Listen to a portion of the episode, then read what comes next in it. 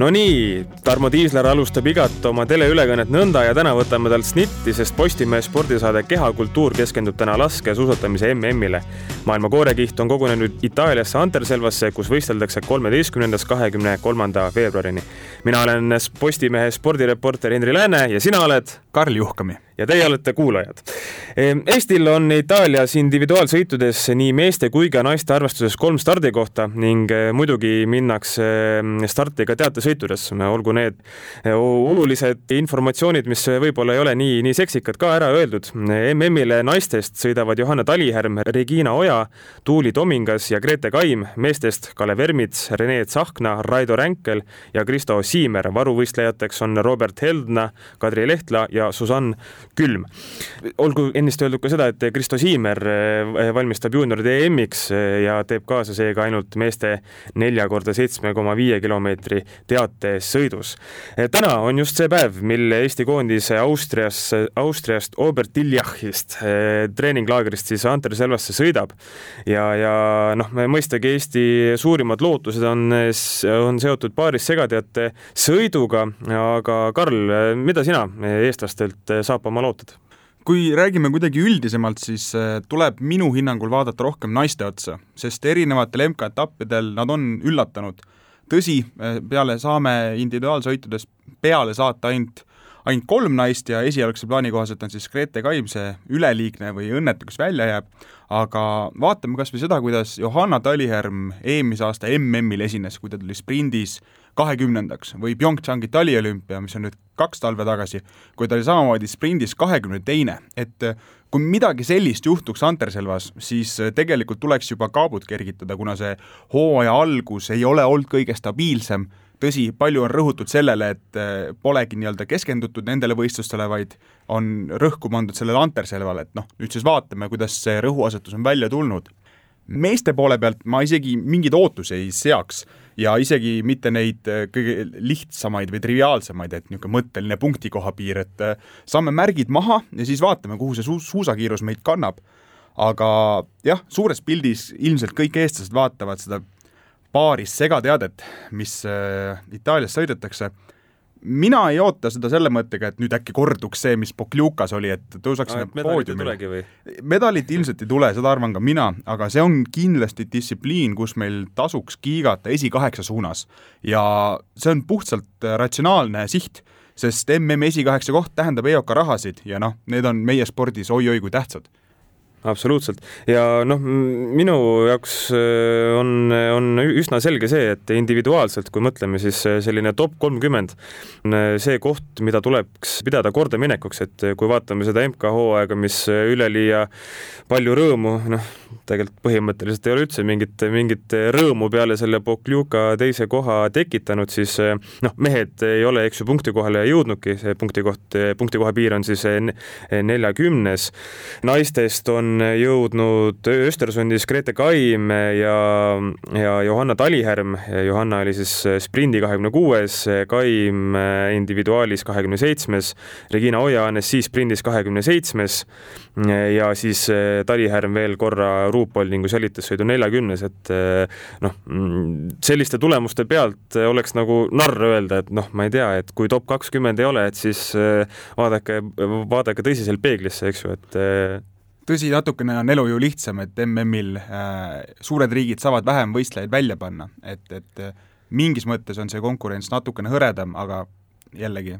rõhuasetus on kõikidel ka samamoodi pandud ju Anterselva peale. just, et mm on, on küllap eh, kõigi nende sportlaste jaoks, kes eh, sinna Anterselvasse läinud on, eh, nende jaoks see hooaja kõige tähtsam võistlus ja see paaris segateade, noh, top kaheksa oleks muidugi väga hea, veel parem oleks top kolm, eks ju, või, või, või midagi säärast, aga aga ma arvan taas, et kui kaine mõistusega võtta, siis selline koht esikümnes oleks, oleks täitsa tipp-topp sellepärast et okei okay,, kui ma ei eksi, siis see paaris segateate sõit toimub kakskümmend veebruar ehk siis järgmine neljapäev. no vaevalt, et kõik sinna nüüd A-koondisega peale lähevad, et noh, ma arvan, et Johannes Tingnes-Pöö või, või Martin Fourcade küllap jääb eemale. aga kui näiteks võtame selle Pokljuka võistluse võrdluseks, siis näiteks Saksamaal läksid Erik Lesser ja Franziska Preuss, noh okei okay,, Preuss võib minna, aga Lesser, no ma arvan, et MM-il seda meest ei saadeta mitte mingil juhul, noh, kui ta just ei tee MM MM, ma ei tea, kas ta MM-i koondiseski üldse Saksamaal on, aga, aga kui vaadata seda MK üld, üldarvestust, siis Saksa meestest neid, kes Lesserist eespool, noh, need, need, neid mehi on nagu palju-palju ja, ja seal Buklukas samamoodi Norra, kui ma ei eksi, oli, oli ka sellise päris noh, enda jaoks pooletoobise koosseisuga. aga see ongi nii-öelda MK-etappide miinus, et samal päeval või järgmisel päeval oli nii-öelda tavaline pa-, segateatesõit siis ilma paarideta nüüd. Et, et tuligi valida, aga, aga MM-il on need natukene suurema ajaperioodi peale ära jagatud ja taastumisaeg on, samas ei tasu unustada fakti, et kuigi esmapilgul võib, võiks arvata, et Pöö tõepoolest ei osale kõikidel asjadel, võib hakata rolli mängima see, mitut medalit ta tahab hakata noppima. kui ta hakkabki jälle suurelt mõtlema, et kolm, neli, viis, kuus, noh, siis ta ikkagi tuleb kõikidele asjadele starti ja ma arvan, et kui tema ütleb, et ma tahan startida, ega seal Norra koondises ei ole kedagi, kes ütleb, et ei, ei, hoiame sind. absoluutselt, siis kõik naised oleksid, et vali mind, vali mind, vali mind. aga selles mõttes noh, arusaadav, et, et eks, eks kindlasti ka see eelnev mm paneb nagu paika, et noh, võib-olla näiteks see, et Pöö eelnevatel võistlustel ei võida üldse näiteks medaleid ja siis tahab nii-öelda selle linnu, linnukese piltlikult öeldes kirja saada, et siiski on see paaris segateate sõit selline, selline hea koht, kus, kus nagu üritada seda teha. aga eh, mis me siin ikka kaua lobiseme, eh, meie ei ole mingisugused laskesuusatamise eksperdid, okei okay,, televiisorist ja tugitoolist meeldib meile väga vaadata ja noh, mm, natuke võime arvamust ka avaldada, aga küll on kindel ekspert Marek Sander, eh, täitsa Eesti mees, Soome laskesuusakoondise siis hooldepealik ta on sellest aastast, noh, Marek on, ütleme, ma arvan, suusasõpradele või sellistele talispordisõpradele vägagi tuttav nimi ja, ja muidugi, kuivõrd ta Soome, Soome koondisega töötab ja Kaisa Mägeräineniga ka, siis on, on ta juba Antreselvas kohal. intervjuu, mida me teile nüüd kuulamiseks pakume, on salvestatud seitsmendal veebruaril, aga no ma olen päris kindel, et, et, et see jutt on sama, mis oleks täna, võib-olla ilma prognoose ainult natukene erinev, aga, aga see selleks ja mis seal ikka, loodetavasti naudite seda intervjuud, Marek räägib seal eh, muuhulgas nii määrdemehe elust MM-il, vormi ajastamisest, seal ta ütleme, eestlaste kohta ütleb eh, vägagi noh, värvikalt ja ausalt, mis ta, mis ta, mis ta sellest arvab. ja muidu, muidugi tuleb jutus ka Kaisa Mägeraineni mm, vorm ja võib-olla ka natukene ootused MM-i eel, et et selgub, et äh, Kaisa näiteks on ka täitsa normaalne inimene, mitte mingisugune primadonna, nagu, nagu siin äh, vahel on räägitud, et nii Marek Sander kui siis ka Morten Priks, teine eestlane soomlaste hooldetiimis on see aasta kiitust saanud küll ja küll. intervjuu umbes pool tundi, nii et äh, laseme nüüd sellel teie kõrvu paitada Marek, nagu aru saame, oled juba Anterselvas kohal, kui Eestis on ilmataat eh, suusasõpru siin viimase nädala, viimase nädala jooksul õnnistanud külma perioodiga, mis noh, vähemalt prognooside kohaselt jääb küll lühiajaliseks, eh, siis eh, millised on seal Anterselvas need talveolud? no tere ja kõigile, et ma ise jõudsin eile siia, et täna hommikul avanes küll üsna muinasjutuline, kui nii saab üldse öelda, võib-olla isegi selle asja kohta. muinasjutuline oli see ilm ja, ja päike oli hommikul tõusmas võib-olla oli hommik vähe külmem, nüüd päeva peale, kui see päike on kõrgel, siis hakkas vähe soojendama ka ja see on, eks ta üks kevadine päike on selline ja, ja, ja, ja vaatasin, et üsna palju suurriike äh, olid ka kohale tulnud. Soome siis kaasa arvatud. et üsna, üsna head tingimused, ma pakun, et ma pole ise tükk aega suusatanud ega, ega testinud sellistes oludes, et äh, Mm, arvan, et äh, sportlastele küll pakutakse parimaid tingimusi viimaste aastate äh, äh, kohta nagu. kui sa mainid, et sa pole sellistes oludes tükk aega või üldse testinud, siis kas, kui olud on ikkagi suusatajatele ideaalsed, siis hooldemehe jaoks tähendab see head või halba? no hooldemehe jaoks ei tähenda ükski, ükski ükski olu tegelikult head nagu, et alati on siin äh, triki, triki asju sees. et ma just vaatasin, et, et eile siia tulles, et äh, suurriikidel olid äh, päris mitmel olid konteinerid siin, et täna uurisin, et mis siis konteinerites on, et seal paljudel on kivilihvid kaasas. Mm, võib-olla on seda eelnevalt ka midagi olnud, aga, aga ma ei ole seda täheldanud, et sel korral tundub, on asja võetud väga tõsiselt ja noh, mis me Anterselva kõik suusa, suusaringkonna inimesed ilmselt teavad, et see Anterselva on üks, üks raskemaid kohti hooldemeestele nagu ja, ja sportlastele samuti, et just libisemise suhtes, et, et panustatakse, tundub mulle, et panustatakse üsna palju, aga see on ka loogiline, sellepärast et kui me vaatame nüüd natukene seda ette, seda, seda asja, siis sellel aastal ja järgmine aasta MM-võistlustel jagatakse ju olümpiakohad riikidele ehk siis õnnestumised peavad olema kõigil sajaprotsendiliselt, kõik nad soovivad niimoodi. iseasi, kas see välja tuleb, et sellest sõltub jah, see olümpiakoondiste arv nagu, et miks nad tähtsad on nagu kas äh, oled ise vaadanud mingisugust äh, pikemat ilmaprognoosi ka või, või käib seal ikkagist äh, töö nii-öelda äh, ütleme päeva kaupa? kui me minust kui Marekist räägime, et siis mulle endale meeldiks hommikul minna boksi ja toimetada täpselt nii, kuidas ilm meile on pakkunud siis sel päeval. aga nüüd noh, soomlastega eriti veel koos töötades, siis nendel on see iga, iga viie minuti tagant on see ilmateade ja olen hakanud isegi natukene seda uskuma ja, ja ütlen ausalt, olen isegi vaadanud ilmateadet ette ka, et et näitab ikkagi esimesel võistluspäeval öösel külma ja päeval üldse nulli ei lähegi ega plussi poole peale päikest ei ole, et, et üsna külmad olud. ma arvan, et see teebki keeruliseks just meeskondadele selle koha pealt, et, et ma arvan või julgen arvata, et meeskonnad eh, tulid siia natukene teiste mõtetega, millised need tingimused võiksid olla veebruari keskel ja veebruari lõpus, sest tavaliselt on meil siin ju jaanuaris, jaanuari lõpus maailmakarikas, siis on noh, arvatigi, et noh, sellised tingimused vaevalt, et on, et kindlasti on soe ja sulalumi ja, ja, ja mida iganes. et see on nüüd üsna, üsna paras pähkel kõigile no sa oled praegu Soome laskesuusakoondise hooldepealikuna tiitlivõistlustel, aga sul on varasemaid kogemusi ka, oled ju määrinud ka näiteks äh, USA-l, USA-le olümpiakulla toonud suuski, et kui sa võtad äh, üldse enda hooldekarjääri kokku, siis mitmendad tiitlivõistlused need on ja kas kuidagi on muutunud see, see tiitlivõistlus ka erilisemaks aastate jooksul? kui ma nüüd kiiresti peast läbi lasin, ega ma ei oska seda sajaprotsendiliselt, aga peaks olema seitsmendad, seitsmendad tiitlivõistlused, sealhulgas on siis olümpiamängud ja maailmameistrivõistlused. ja pean ütlema küll, et üsna õnnelik inimene, et olen saanud erinevate riikide koondistest seda tööd teha ja, ja eriti veel murdmaa poole peal ja nüüd laskesuusatamise poole peal, et need kogemused on ikkagi üsna suured, et, et olen isegi vahest mõelnud, et millal ma ise nagu valmis saan, et iga aasta muudkui õpin ja õpin, et, et mul nüüd tundub jällegi, et kui teadaolevalt on ju nii, et floori tootmine lõpeb siis sellel, sellel aastal juulikuus, tehased enam ei tooda seda floori ehk siis pulbreid ja kõike muud parafiine. küll aga kasutada saame siis Pekingi mängudeni, olümpiamängudeni, et, et jälle uus olukord, kus siis jälle tuleb hakata otsima ja õppima ja, ja, ja uusi kogemusi omandama peale Pekingit, et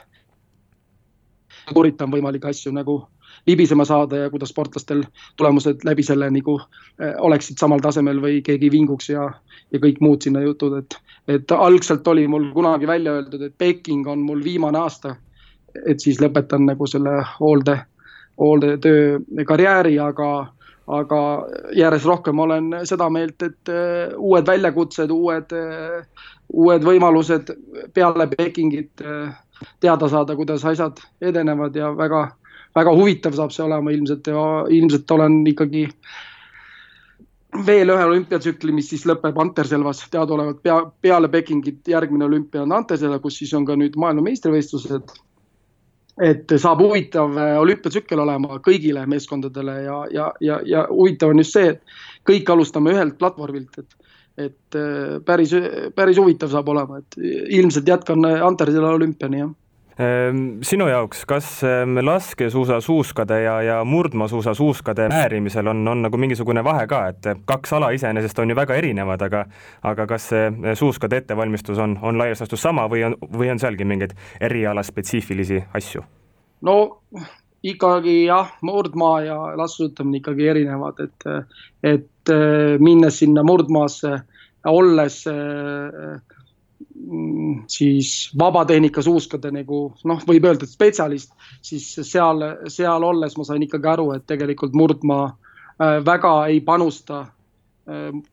siis vabatehnika suuskadele, et see päev lihtsalt, päev tehakse lihtsalt ära ja, ja sportlased teevad oma tulemused ära, et klassikasuusk on ikka A ja O, et kui sul seda baasi all ei ole, nagu minul ei olnud tegelikult siis klassikasuuska tegemise baasi nii suurt professionaalsel tasemel, noh harrastaja tasemel ma võin ikka ära teha, siis tegelikult ma ei leidnud seda kohta jah endale väga hästi seal, et need on ikkagi täiesti erinevad, eh, täiesti erinevad asjad, et meie ikkagi panustame vabatehnika suuskadele ikkagi meeletult aega, meeletult eh, ressursse, siis murdmaa poole peal on jälle vastupidi, et klassikasuusk on nii tähtis ja uisupäev eh, veedetakse lihtsalt niimoodi ära, et teeme lihtsalt ära kuidagi ja, ja, ja nii see läheb, et nad on ikkagi erinevad, täiesti erinevad jah kui erinevustest rääkida, siis üldse, kui palju erinevad sinu tööpäevad MM-il tavapärasest MK-etapist? kindlasti natukene erinevad, et eh, natuke keeravad, keerame meie siin kindlasti vinti peale, küll aga mitte väga palju, sest eh, teadaolevalt on ikka rutiin on see, mis tagab edu, et eh, kui ületegemine tekib, siis võivad need altmineku ohud olla väga suured. et kindlasti jah, aga no ma ütlen, ma olen täiesti uues seisus isegi tegelikult. kui ma päris aus olla, siis see on esimene tiitlivõistlus, kus äh, minu meeskonna sportlane äh, on kindel medali äh, soosik. varasemalt mul ei ole seda olnud, et see, et olümpiakuld tuli, see oli Ameerika ime, võib öelda. siis tegelikult nad noh, võib-olla võis öelda, et medali noh, medalisoosik võib-olla, aga, aga ikkagi kuueses koht oli see, mida, mida taga ajama mindi. aga täna siin Soome koondises on meil ikkagi kindel medalisoosik ja selle võrra on pinged, pinged natuke suuremad, kui, kui tava, tavaliselt mul olnud on. aga ma naudin seda täiega, sellepärast et kui, kui ma seda ei naudiks ja adrenaliini, mis ma sellest saan, siis ilmselt ma seda tööd ei teeks, et ja, ja kriitikat, mis ma siit saan, et see on, mulle väga meeldib kriitika nagu, et see viib mind kindlasti edasi päris palju. ja mida rohkem seda oleks, seda parem on, seda tugevamaks ma ise saan ja, ja see pakub mulle väga suurt rahuldust. selline, selline kriitika ja, ja kiitmine ja, ja kõik selle juurde kuuluv siin. et kindlasti ta on natuke erinev kui teised jah, pinge on, pinge on tuntav, ütleme niimoodi aga paratamatult vist on nii ka, et kuna tegemist on tiitlivõistluste aastaga, siis ehk kui nüüd järgmised kaks nädalat ebaõnnestuvad, siis tuleb vist kogu hooaeg automaatselt maha kanda või ikkagi mingil ohutus see MK-sari tervikuna on?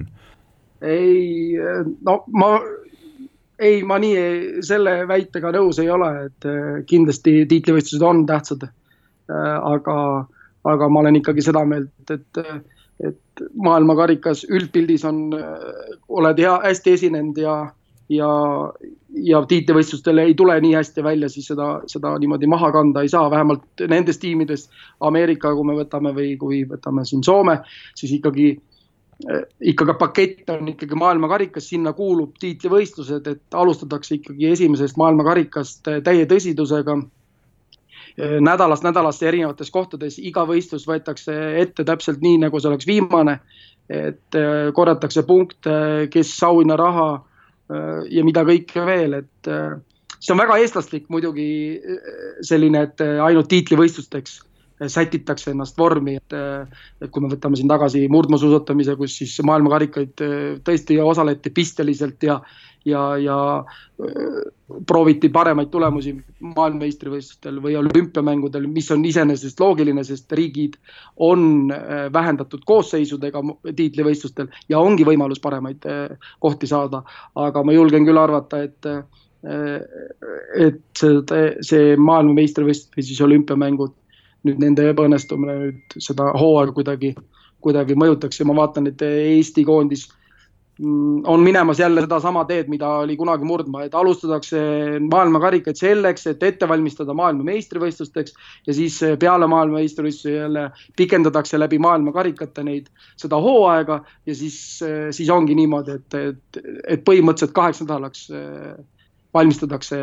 kogu, kogu aasta ette nagu Eh, ma ei usu, et meil oleks, meil on nii andetud sportlased, et nad ei ole võimelised heitlema eh, hästi või väga hästi maailmakarikatel eh, kogu hooaeg, et kuidagi see mentaliteet on, et ainult ühte, ühte suunda panustatakse, et ma suurtes riikides ei näe seda, et kui me siin noh, kui ma, kuna ma ise olen Soomes, siis noh, võtan, võtame siis selle aluseks, et et tegelikult ei räägita sellest maailmameistrivõistlustest enne kui, kui ettevalmistav laager, ma olin nüüd siin ettevalmistamislaagris ka Martellis Itaalias mägedes, et noh, seal ma tundsin, et nüüd on fookusseeritud maailmameistrivõistlustele see ettevalmistus, et noh, ma tõesti nägin esimest korda, aga enne seda äh, praktiliselt mingit juttu ei olegi, et, et kuskil talve keskel on maailmameistrivõistlused, et, et, et me nüüd kogume vormi selle jaoks, et, et ikkagi iga võistlus võetakse päev-päevalt ja võetakse maksimum, mis sealt võtta on nii on. murdmaasuusatajad käisid paar nädalat tagasi Oberstdorfis tutvumas järgmise aasta MM-i radadega ja, ja paljud neist krimpsutasid nina, eriti, eriti sprinterid, et, et need trassid on, on liiga rasked. noh, Anterselva, kus, kus laskesuusa MM tänavu, eks ju, toimub, on ju samuti teada-tuntud selline üks kõrgemail asuvaid võistluspaiku, et millist tüüpi sportlasele võiks, võiks see kasuks tulla, just see kõrgus? Ma julgen küll arvata, et, et see, see, et ta nüüd kõrgel on, ei too eeliseks ei ühte ega teist äh, sportlastüüpi või sportlast. nii palju, kui mina tean, siis võib küll öelda, et enamus, enamus koondisi treenib äh, ettevalmistuslaagris, kõik kõrgel, kes siis Aubert Illahis äh, Äh, kes siis äh, Martellis oli päris suured jõugud nagu, kõik nad on kõrgel, nad tulevad siia kõrgele, nad on juba kaks nädalat kõrgel olnud, harjutanud ennast sellel. Äh, oma kogemusest võin öelda, et täna käisin, tulin just otse suusarajalt tegelikult teiega rääkima siia. et ma olin ise ka ettevalmistuslaagris ja, ja no, no on, kui ma olen ikkagi juba seal pikalt olnud ja, ja tulin siia, siis absoluutselt nagu mingit sellist ei olnud, et et nüüd oleks kuhugi sattunud, ei tea kuhu, et mis nüüd saama hakkab, et ainult allamäge tahaks sõita, et üle, ülesmäge nagu ei olegi. et eh, ma ei tooks siin praegu ming-, kellelegi nagu mingit eelist, et, et no saab näha, et päris huvitavad ettevalmistusvariandid on erinevatel koondistel, et ma nägin ise Martellis, et eh, norralased kolm tüdrukut, Knotten, Brandevold ja ja nüüd ei meenugi, kes see kolmas oli, olid lausa treenerid, olid seal laagris lihtsalt suusatasid, Ekhof oli, oli Anterselvas laagris, mehi polnud üldse viimastel päevadel, kui ma nüüd olin seal, tulid mehed ka sinna. Austria koondis oli mõne naisega seal, kõik harjutasid omaette Eh, noh, USA teadaolevalt on ju, eh, nemad harjutavad alati koos, nagu see on selline kamba vaim. see, sellest ei saa üle ega ümber, et nemad olid koos ja, ja soomlased olid seal koos, et eh, saab huvitav näha jah, see, kuidas, aga see kõrgus kindlasti mingid eelised ega mingitele sportlastüüpidele ei too, ma ei usu seda aga äh, kõrgus, mõjutab see kuidagi sinu tööd äh, hooldepealikuna ka, et äh, noh, me käisin ise jaanuari lõpus Monte Carlo rallil, seal sai samuti päris, päris korralikult Alpides ringi konnatud ja ja eks see kõrgmäestiku asi vist ole, et ilm on selles mõttes päris e-, ettearvamatu. no mis ma selle kohta ütlen, no ma ütlen, et meil ei ole lihtsaid päevi, kas see on kõrgel, madalal, merel, jää peal, ükskõik kus on ju, et äh, meil on ta ikkagi päev-päevalt ja keeruliseks läheb ta alati nagu ükskõik siis, kus me oleme, küll aga see, see enesetunne nagu, et äh, Soome võimaldas sellel aastal määrdemeestel ka nagu tulla siis ettevalmistuslaagrisse, et nad saaks siis seal motivatsioonipakett, ütleme siis niimoodi, et et said suusatada ja, ja kõrgel olla ja, ja magada seal kõrgel ja et seda natukene tuleb nagu soome keeles kõik meelde, aga noh, seda vormi nagu parandada, et, et ma ise tundsin küll siia tulles, et täitsa, täitsa okei okay oli, sest Martell on ju täpselt sama kõrgusel oli, kus meie laagris olime. ja, ja lume, lumeolud, noh, kõigile aastaid käidud siin ju Anterselvas on ju ja veel teistes kohtades, et see kuiv lumi ja ja, ja kõik muu siia, sinna juurde kuuluv, et see on üsna tavapärane, aga, aga ikka läheb iga kord keeruliseks, et kõik me teame, mis siin on. Mitte ainult siin, vaid ka teistes maailmakarika kohtades, aga miskipärast läheb ikkagi keeruliseks. et pooled võistluse peal hakkab lund sadama ja, ja, ja mida kõike veel on ju, mis me oleme näinud siin, ma arvan, et televaataja ja raadiokuulaja on näinud ka seda telepildis, et, et mida kõike ette söödab see ilm, aga, aga nii ta on, et keeruline on kogu aeg, et lihtsalt ei ole midagi sa töötad küll Soome koondisega, aga su kehas voolab ikkagi Eesti veri, et kui teraselt sa meie sportlaste tulemusi jälgid? Ikka jälgime nii palju, kui võimalik on, ega, ega fookus on ikkagi meie hooldata, hooldataval sportlastel, et, et kindlasti äh, õnnitlesime neid Pokljukas, kui nad hästi ja, ja lohutame, kui läheb mõnikord kehvasti ja, aga seda mitte väga palju, aga noh, ikkagi näeme ja üllataval kombel on need määrdeboksid on, kui me nüüd määrdemeestest räägime, siis hoolderühmast, siis üllataval kombel on meil alati olnud Eesti ja Soome miskipärast kõrvuti, kõrvuti kopid, et neid me näeme üsna palju, aga ja saame vahetuid muljeid jagada igapäevaselt, aga, aga kui tööalaselt rääkida, siis nad, siis üllataval kombel nad ikka üsna, üsna salapärased, need eestlased. võib-olla see on eestlaslik, et selline, vahest tundub mulle küll, et, et nad vist tahaks ise, et see määrdekopp vii-, viidaks kuhugi kaugele-kaugele mäe otsa, et nad saaks rahulikult ise teha, et ilmselt nad on leid-, leiutanud seal jalgratta, mida teistega mitte jagada ja ja eks sportlased annavad lõpuks ikkagi hinnangu nende tööle, et ju nad teevad ikkagi head tööd ja, ja neil on midagi ette näidata ka, et nii ei saa öelda, et nüüd,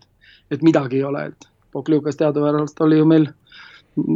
elu ilusamad hetked, võib isegi öelda absoluutselt ikkagi ju teine poodiumi koht MK-sarjas ja, ja mis see vahe oli, oli vist kaksteist aastat, eks ju, et et, et suur tulemus igal juhul. kui ma ei eksi, siis eh, koos sinuga eh, töötab eh, soomlaste juures ka, ka Morten Briks, teine eestlane. et on, on nii-öelda kaasmaalasega koos ka kuidagi lõbusam asjatada või, või pole sellel suurt vahet?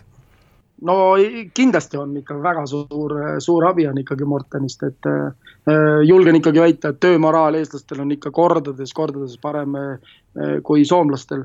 aga soomlastel on jälle jutumoraal, hästi palju räägivad ja,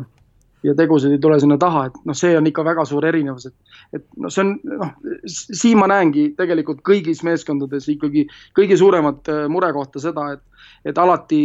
riikide esindajad, kas siis äh, peasekretär alaliidul või siis äh, peatreener ikkagi tahavad koostada seda määrde-tiimi nagu ise, et ja see kipub nii minema, et erinevad inimesed tulevad kokku, aga noh, kui sa viis kuud oled nendega siin ikkagi kogu aeg koos, noh, sa ei pea olema maailma parim sõber nendega, aga, aga sa võiks olla nagu ikkagi mingisugune harmoonia. aga, aga kui teised inimesed panevad eh, seda meeskonda kokku, võib-olla võetakse välismaalt keegi ja arvestamata sellega, et mis inimtüübid seal on, siis noh, üsna ikka raske, ma olen seda elus ikka päris palju kogenud, et ma julgen väita, et ma pole kunagi olnud üheski sellises tiimis hooldetiimis, kus ma tunnen, et, et äh, see tiim on täiuslik nagu. alati mingid inimesed kuskil, kes ei sobi ja, ja nüüd soomlaste puhul ka tegelikult ikkagi eh, pandi see kokku jälle peasekretäri poolt ja peatreeneri poolt, kuigi mul oli, oli endal ikkagi plaan see ükskord eluski nagu see meeskond kokku panna nendest inimestest, keda ma ise tahaksin ja keda ma arvan olevat inimtüübina nagu okeid, et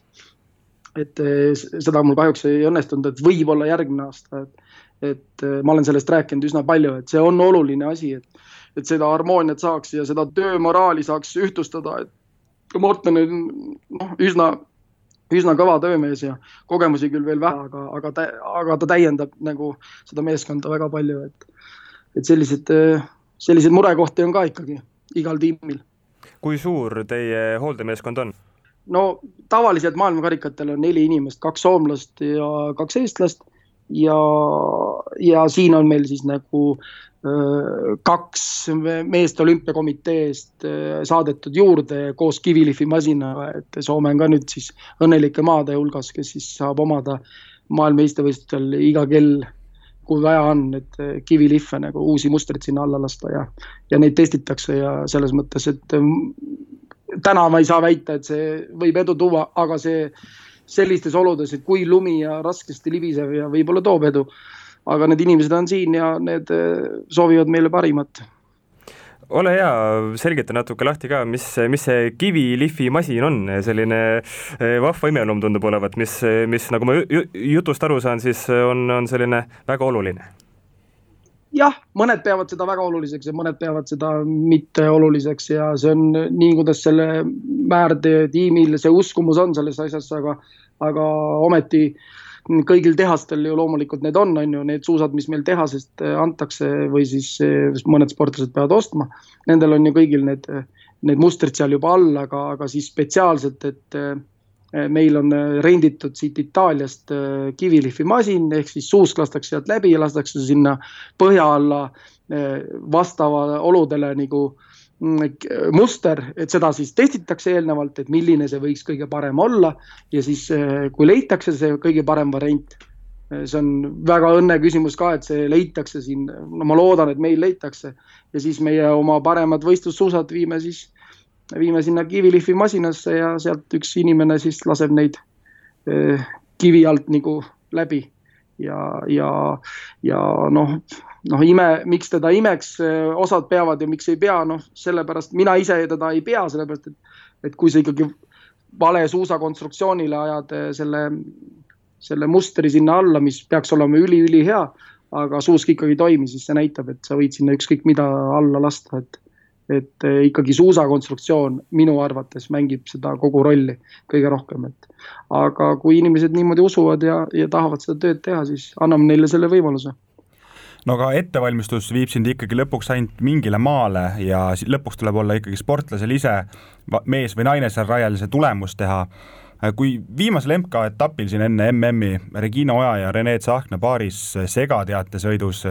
poodiumile tulid, eestlaste jaoks oli see võrdlemisi suur šokk, noh, Tsahkna ise ju ka rõhutas, et ajakirjanikega rääkides, et teate, et ma olin eelmine päev alles saja esimene, aga kuidas nagu rahvusvahelises laskesuusapildis see eestlaste poodium mõjus, kas see oli välk selgest taevast või, või oli ka mingisugust ootuspärasust seal sees? nii palju kui mina, Pogliukas, eestlased küll läksid eh, kohe minema sealt, eh, me veel, seal olid massstardid olid veel, Kaisa ja Mari sõitsid massstarti ja meestest ei sõitnud veel keegi, ma jäin sinna. olime veel seal ja ütleks niimoodi, et eh, selline keskpärane ahetus oli. ei midagi sellist, et nüüd see oli maailma ime ja ei olnud ka sellist, et nüüd tugevad puudusid, et nüüd ei tea, et sellepärast, et selline paras paras üllatus ja, ja kui me tausta vaatame, siis tegelikult on see päris õiglane, õiglane lähenemine, see, et ta on, on paras üllatus, sest kui me võtame, e, mina olin nendega koos Ameerikas Salt Lake City's eelmine aasta, nad olid ju esimesel kohal e, tollel hetkel enne viimast tiiru ja siis natuke käkiti ära, et e, tuldi lõpuks kaheksandani, aga siiski, siiski nagu mängus sees. ja kui me võtame nüüd ajas veel natukene tagasi Östersundi, kus noh, ma ei, ma ei ütleks, et seal nüüd ka mingi neljandad-viiendad koondised sõitsid, on ju, et, et seal oldi viiendad, siis äh, vähegi analüüsiv äh, sporditeadlane võiks ikkagi aru saada, et tegelikult see formaat lihtsalt sobib meile, seal ei ole mitte mingit tegemist äh, sellega, milline koht või vorm on inimesel või sportlasel tavadistantsidel, et see formaat lihtsalt sobib. Väga head suusad sellel päeval, väga hea laskmine ja, ja nad on olnud kogu aeg seal lähedal ja loota nüüd edaspidiselt maailmakarikas või siis maailmameistrivõistlustel jõuda nagu pjedestaalile. noh, see on ka nagu ennatlik, et olgem ausad, ega sinna pääseda on ikka üli-üliraske. seda võib-olla järgmist korda meil tuleb oodata kaua, võib-olla vähe, võib-olla siinsamas maailmameistrivõistlustel, me ei tea seda. aga ega võtame kasvõi Kaisa ta on ju top atleet, ta on väga tugev atleet, ta, ta, ta on tõesti väga tugev, aga, aga vaatame selle aasta poodiumi kohti. see, selleks on üks ja ühe korra Prantsusmaal oli viies, neljas, vabandust et äh, isegi temal on raske sinna pääseda. et äh, lootes, et nüüd, kui see koht tuli meile, et nüüd me mõtleme, et nüüd järgmine kord äh, ongi pjedestaal loogiline, siis ei, see, sinna on väga-väga raske pääseda. et mina ütlen, et maailmameistrivõistlustel kuue sees olemine on reaalne täiesti reaalne, sest seal tõesti ei ole tegemist sellega, milline see vorm on, vaid lihtsalt see sobib neile nii hästi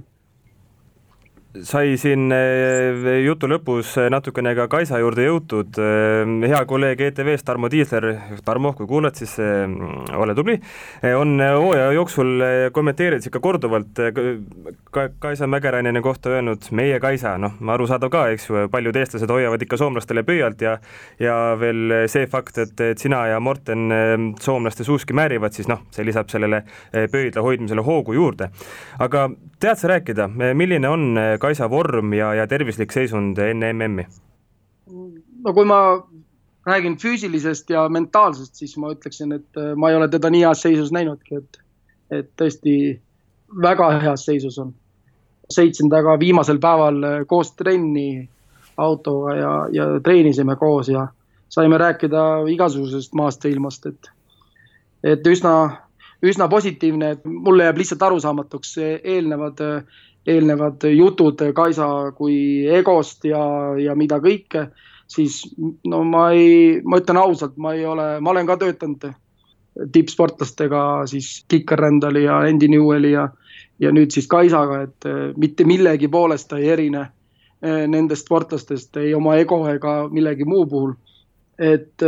ma arvan, et kui õiged inimesed tema ümber on, siis, siis, siis inimene ise muutub ka ilmselt meeldivamaks ja,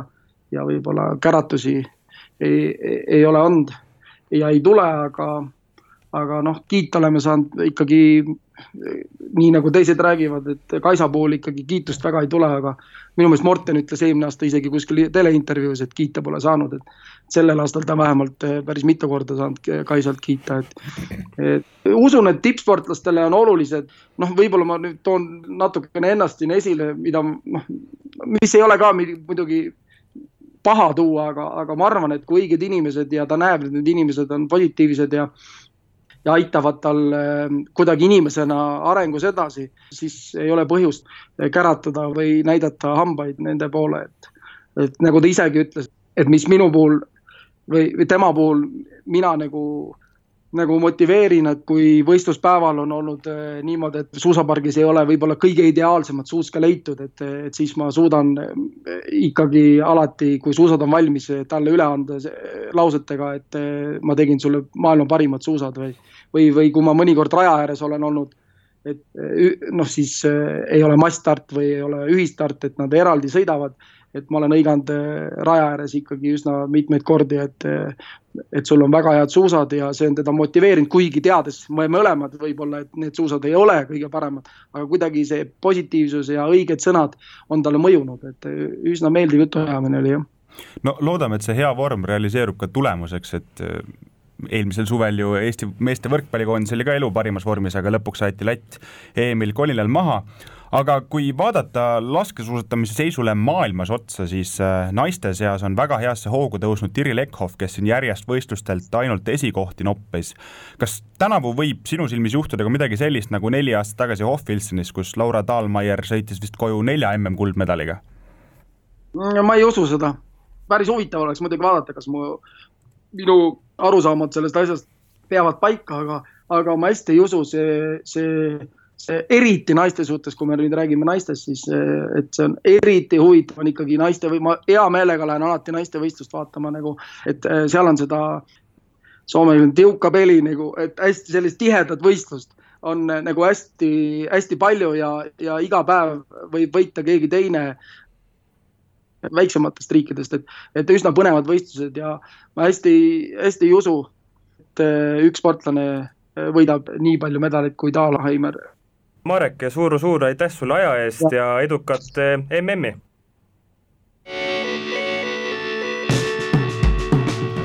No nii, meie arvates igatahes vägagi vahva intervjuu Marekuga, endiselt eh, suur-suur aitäh talle, et ta selle aja leidis, aga eh, eelmine spordinädal pakkus tegelikult väga-väga palju kõneainet, eeskätt see nädalavahetus, kus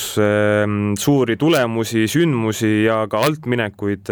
oli tegelikult küllaga. alustame spordinädalale tagasivaatamisest tennisega, Tallinnas mängiti Fed Cup, Eesti mõistagi seal osales, Ukrainale kaotati siis play-off play-off'is üks-kaks tänu, või noh, mitte tänu, vaid mistõttu maailmaliiga üleminekumängudele ei pääsetud, aga nii nagu ütlesid eh, tennisistid ise ja ka koondise kapten Märten Tamla, siis selline mm, väga okei okay FedCupi nädal oli, et üle oma varju ei hüpatud, aga nii-öelda oma tehti ära, eh, teise tugevusgruppi eh, langemisega, noh, selles osas mingit väga suurt ohtu isegi ei olnud. aga Karl, sa enne mainisid, et soovid natuke hurjutada jah, et kui me siin räägime, et nii-öelda oma tehti ära, siis paratamatult tekib küsimus, äkki oleks saanud äh, teatud teiste otsustega üle oma varju ikkagi hüpata. viitan siis ikkagi sellele eelmisel nädalal palju kirgi kütnud äh, Kaia Kanepi teemale ja tema mitte, mitte liitmise juurde siis koondise juurde, et äh, jah, tagantjärgi tarkus ei maksa midagi, oleksid maksavad veel vähem, aga see küsimus on ikkagi õhus, et äkki me siis oleks rääkinud üleminekumängudele jõudmisest, jah, see ei garanteeri meile mingit maailmaliiga kohta, aga FedCupi praeguse naiskonna jaoks oleks see kindlasti väga, väga kasulik lüke olnud ja muidu, muidugi, muidugi Tokyo olümpiat silmas pidades samamoodi.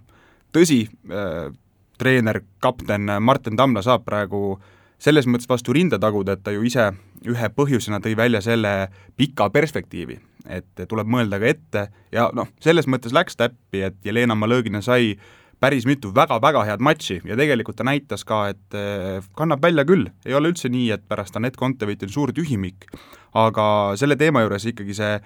saladuse loor või, või läbirääkimatus jääb, jääb mind väga, väga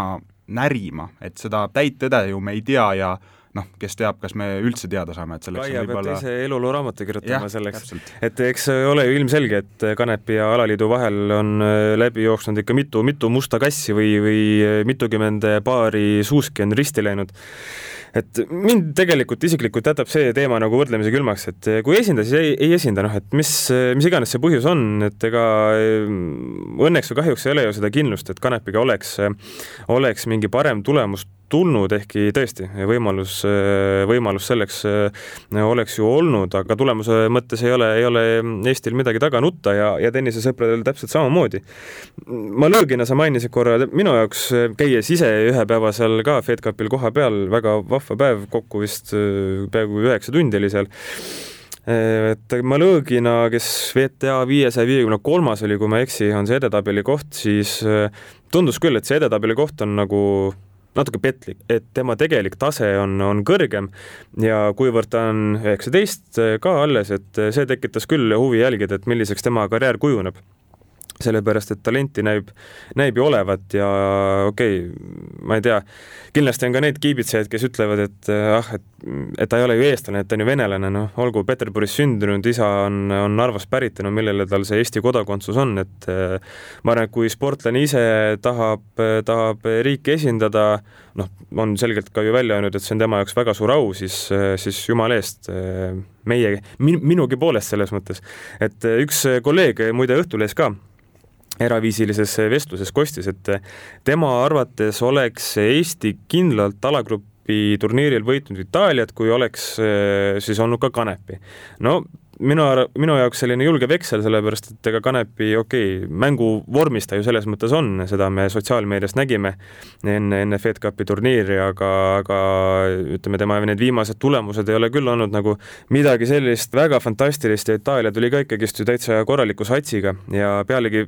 ütleme, sul võib olla näiteks kaks eh, esisaja mängijat, aga see ei tähenda, et nad oleksid paarismängus äh, nii head, et äh, paarismäng on täitsa omaette loom nagu noh, Ukraina eest ju ka Elina Svitolina seal väljakul ei käinud, sellepärast et noh, ta, ta lihtsalt ei, ei oska nagu eriti mängida seda ja see on täiesti fine. et seda, seda oli väga hästi näha ka sellel alagrupi kohtumisel Kreeka vastu, kus Äh, Eesti paarismängu kaotas ja üks kreeklanna, Despina Papamihhail, väga vahva nimi, äh, on võitnud kolmkümmend kolm ITF turniiri paarismängus ja no see oli kohe näha, et tema jaoks see paarismäng ei ole nagu miskit äh, noh, ma ei tea, miskit kummalist, et, et ta on seal väljakul nagu harjunud, harjunud ja, ja mängis tõesti hästi ka. nii et noh, Kanepiga või Kanepita, mis vahet seal on, minu jaoks vähemalt kui tuhanded eestlased jälgisid nädalavahetusel tennist, siis äh, tuhanded olid kogunenud ka Saku Suurhalli, tõsi, ilmselt on siin väga suur generatsioonide küsimus, sest seal toimus Simple Session, ekstreemspordiüritus, mis on ikkagi suunatud nooremale põlvkonnale, ei ole midagi teha, äh, mina läksin ka sinna kohale ähm, võrdlemisi puhta lehena ja võib-olla see oli äkki isegi negatiivselt meelestatud, et äh, ma polnud kunagi olnud see äge kutt, kes rula sõitis, ehk siis seda samastust mul ei olnud aga midagi pole teha, kui sa näed äh, ükskõik mis alal ikka maailma tipptaset, siis see ala muutub sinu jaoks ägedaks, vahet ei ole, kas me räägime nüüd äh, Kendama. jah, Kendama oli seal ka kohal, vaatasin neid trikke, lihtsalt suuvaju-sammuli, mida kõike on võimalik teha mingi puust vidinaga, mille küljes on nöör. Aga noh, sa ei pea olema alaekspert, et saada aru niisugust lihtsamatest trikkidest, et äh, edaspidi ja tagurpidi saltod on ju kõigile arusaadavad, noh, selleks ei pea äh, midagi, midagi alast ise teadma ja näiteks äh, Kelly küll teeb nagu teistsugust ala, Kelly Sildaru siis freestyle suusatamises, aga teatud trikid ja saltod on juba sealt Eesti publikule juurdunud. jah, vahendid on erinevad, mida kõike, aga väike samasus on olemas. aga sessioni puhul asi, mida ma tahaks ära märkida, on see, et kõik eestlased, kes te siin olete, see, võtke õppust, see on üritus, kes oskab ennast promoda. jah, neil on natukene teistsugune sihtgrupp sest nad üritavadki meelitada endale noori, aga neil on kõik käi-, käigud läbi mõeldud. jalgpallis on meil vaja UEFA-st miljoneid eurosid ja mingi kogukonna juhte, et üldse inimesi staadionile saada. Sessionil no vahet ei ole, jaga tasuta nätsu, tee ajutisi tätoveeringuid, tee püsivaid tätoveeringuid Saku Suurhalli koridoris. no anna noortele võimalus Kendamaga mängida.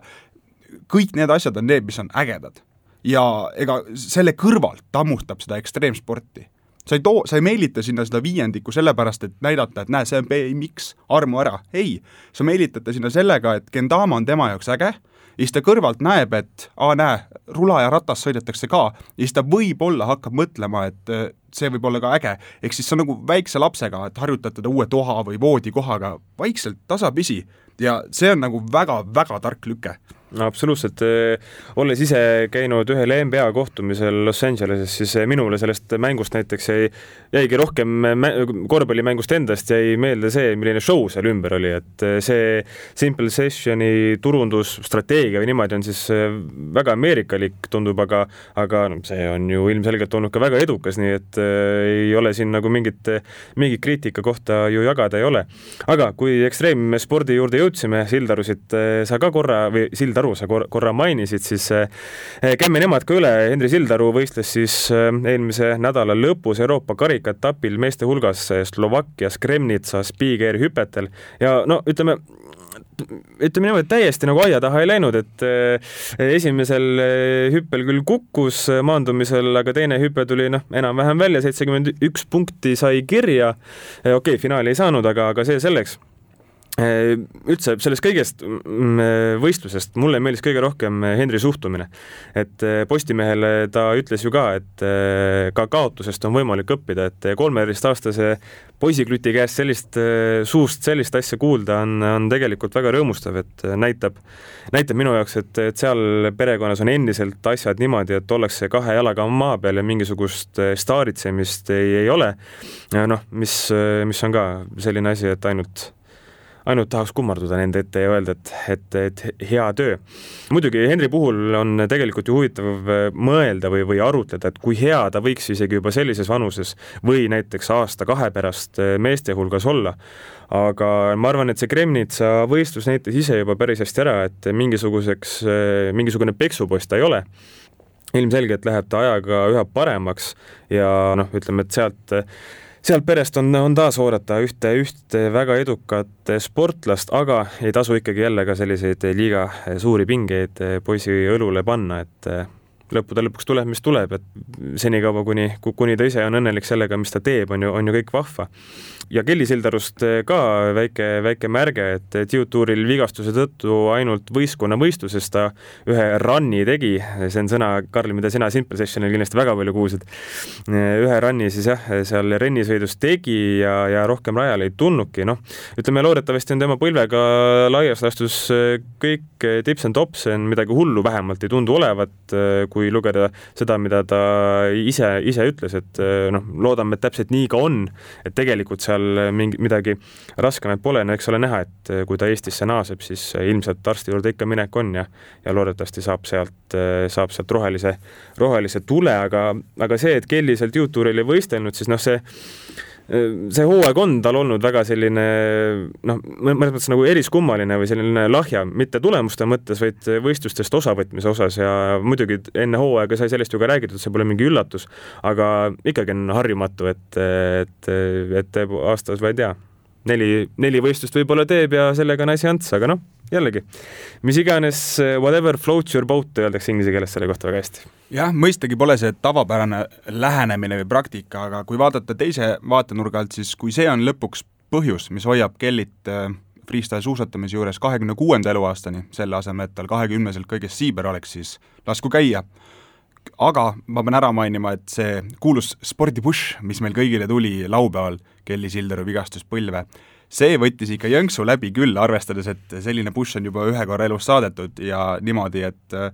võttis päris tükiks ajaks mõtlema ja seda ju tituleeriti juba meil rahvuslikuks põlveks.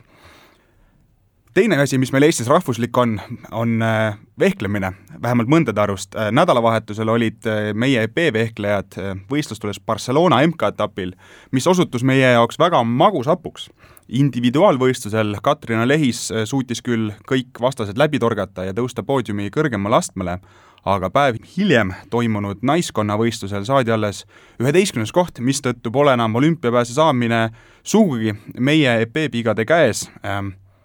pärast viimast etappi Kuubal tundus justkui kõik kontrolli all olevat, seal esineti hästi, olümpiadatabelis tõusti õigele kohale, oldi ree peal, aga nüüd sisuliselt on kõik meie kätest väljas ja peame lihtsalt palvetama, nagu Eesti jalgpallikoondis kaks tuhat üksteist aastal, kui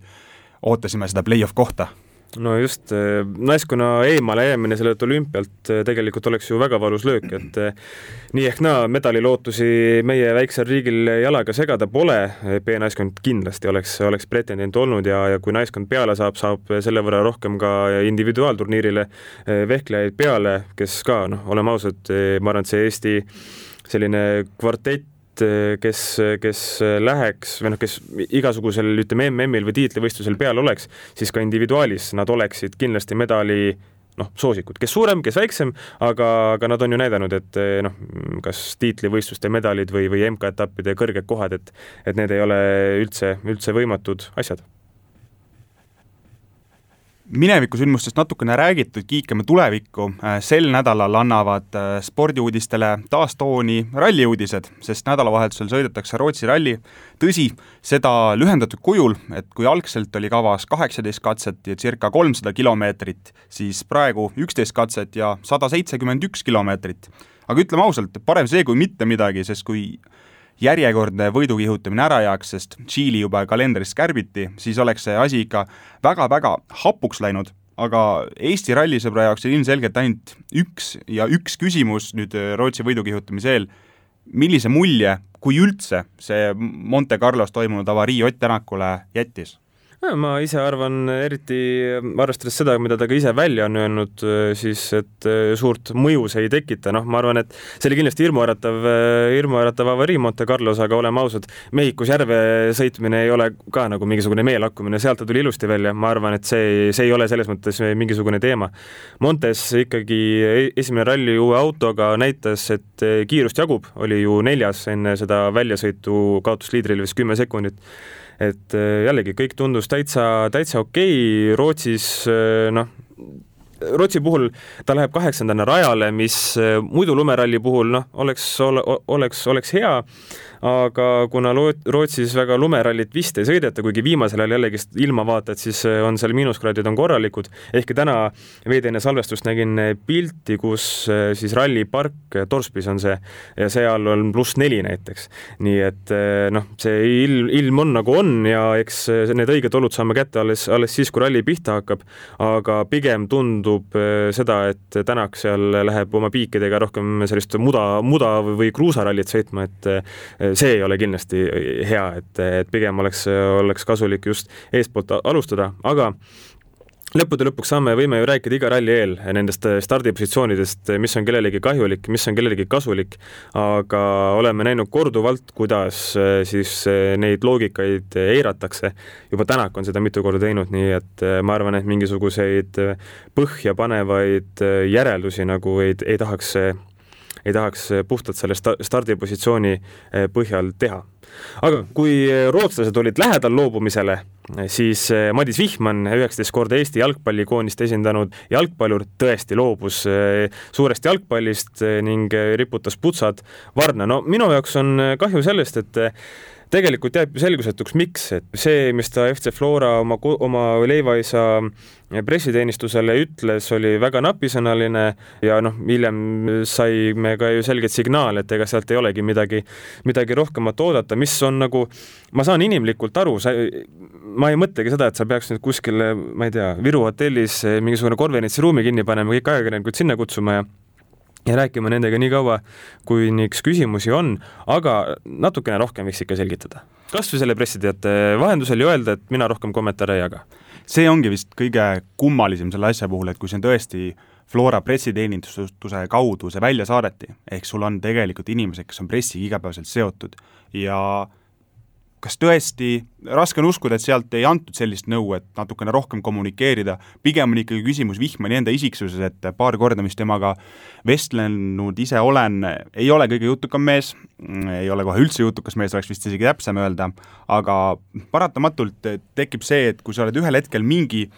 taseme künnis ületanud, mida üheksateist mängu Eesti jalgpallikoondis ikkagi näitab äh,, sa võlgned fännidele mingi seletuse. ma ei räägi, et sa pead olema avaliku elu tegelane, nagu kolleeg Kaspar Ellissaar Soccernet.ee eh, arvamusartiklis kirjutas, aga kui sa oled ikkagi koondislane, siis spordiga seotud otsuseid peaksid sa inimestele selgitama, olgu ükskõik kui tahes napisõnaline see, et eh, kas või Hispaania jalgpallikoondise peatreener Luis Enrique on ju hea näide, kes andis kevadel teada, et taandub äh, treeneri kohalt seoses perekondlikel põhjustel ja sellest piisas esialgu. see, et ta viis kuud hiljem äh, reaalse põhjusega äh, teatavaks tuli, et ta tütar võitles äh, luuvähiga vist oli ja, ja kahjuks ikkagi läks manalateed, see oli tema otsus, aga ta ikkagi tuli välja ja Vihmani lauset, et see on mu isiklik otsus, mida ma ei kommenteeri, on puhtalt sellepärast raske austada, et mul on tunne, et tema sellega ei austanud jalgpallisõpru. mina võin küll huulde hammustada ja öelda, et jah, olgu, ma ei küsi siis sel teemal, kui sa ei taha, aga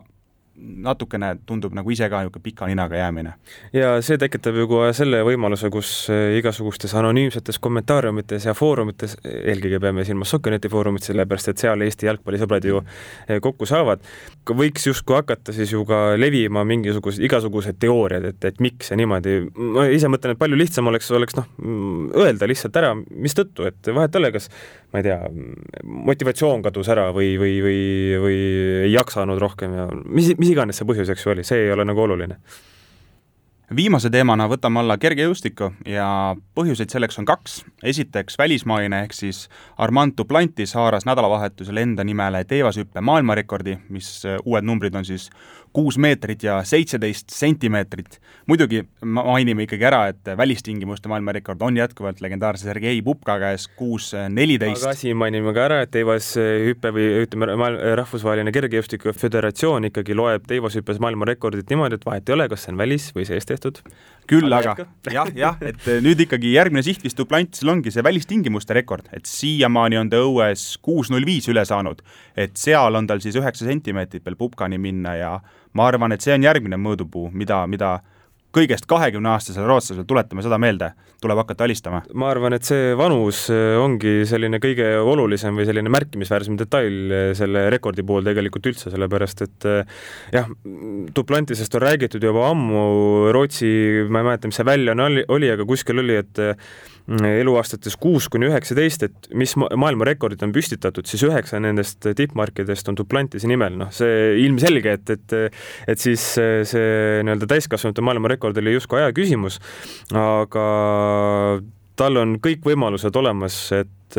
seda teivashüpet Eh, edasi viia nii spordialana kui siis ka nii-öelda turunduslikus mõttes või niimoodi, et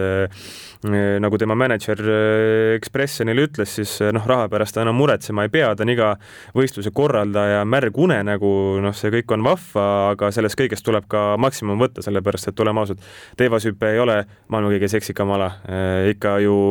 ikka pannakse suurtel võistlustel niimoodi, et see põhiõhtunaelad on saja meetri jooks või kahesaja meetri jooks, midagi sellist. et nüüd on duplant anti see, ma arvan, suurepärane võimalus äh, võtta see koht, mille jättis vabaks Usain Bolt, et see kergejõustikumaailma tõeline superstaar aga kergejõustikuga tegeleti ka Eestis, äh, Lasnamäel võitis siis seitsmevõistluse aga kergejõustikuga tegeleti ka Eestis, kui Lasnamäe hallis nähti tipptasemel seitsmevõistlust, mille võitis lõpuks hispaanlane Jorge Urena kuue tuhande üheksakümne ühe punktiga. sellest palju kõnekam oli aga fakt, et võistlusel, kus osales ka Doha MM-i hõbedamees Maicel Uibo, ei olnud ta parim eestlane, vaid Eesti meistritiitli sai kaela hoopis Risto Lillemets, kes krooniti siis viie tuhande üheksasaja üheksakümne kuue punktiga tšempioniks, Eesti tšempioniks siis, aga tegelikult on ju sellel, et äh, Uibo ei olnud parim eestlane, väga loogilised seletused jaa, et äh, laias laastus mees tuli otse lennukilt sinna Lasnamäele, vist äh, kas üks või kaks ööd oli vahepeal, aga nagu seal FedCupil nägime, Anett Kontaveit ju ütles, et äh, pärast seda ava, avalahingut Kreekaga, et aja, ajavahega harjumine Austraaliast tulnuna on, on ikka kuratlikult keeruline, tal oli neljas päev või oli viies päev, kui ma ei eksi, mil see Kreeka matš oli, nii et Uibost on väga hästi aru saada, nagu sai ka Eesti ajakirjandusest lugeda, siis tänu sellele, et ta siin või noh, et ta Eestisse tuli, Lasnamäele võistlus, sai ta ka eh, vist oli vanaisa sünnipäev, kui ma ei eksi, oli see, kus ta käis, nii et ma arvan, et eh, sellest tulem-, see on ka selline tulemus, millest ei tasu nagu üldse mingisuguseid järeldusi teha, et sisehooaeg, kuna mm lükati ju aasta võrra edasi, siis eh, ka laias laastus jääb ikkagi vahele. küll on Saaremaa mehe Lillemetsa üle väga, väga suur rõõm, et selline mm, uus nimi Eesti kergejõustikusse julgeks öelda, et ma ei ole küll mingisugune kergejõustike ekspert, aga küll aga jälgin seda ala ja varem ei ole nagu kuulnud Lillemetsa nime. aga just selliste sporditeemade ja juttudega paitas kehakultuur teie kõrvu see nädal. täpselt nädala pärast oleme taas eetris, siis kannab saates põhiraskust Rootsi MM-ralli, kus Ott Tänakul läheb loodetavasti väga-väga ja väga hästi. aga aitäh kuulamast ja kuulmiseni!